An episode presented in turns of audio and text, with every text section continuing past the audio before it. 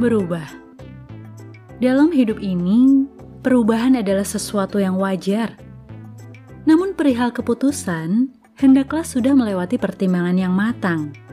Itu sebabnya, sebelum mengambil sebuah keputusan, kita perlu berpikir matang.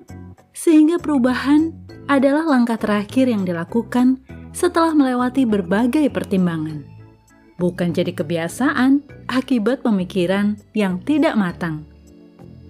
Berubah itu wajar kalau suka berubah-ubah, perlu belajar. Tidak berubah-ubah keputusan adalah salah satu sikap seorang yang telah dewasa. Sementara kanak-kanak hanya mengikuti arahan juga bujukan.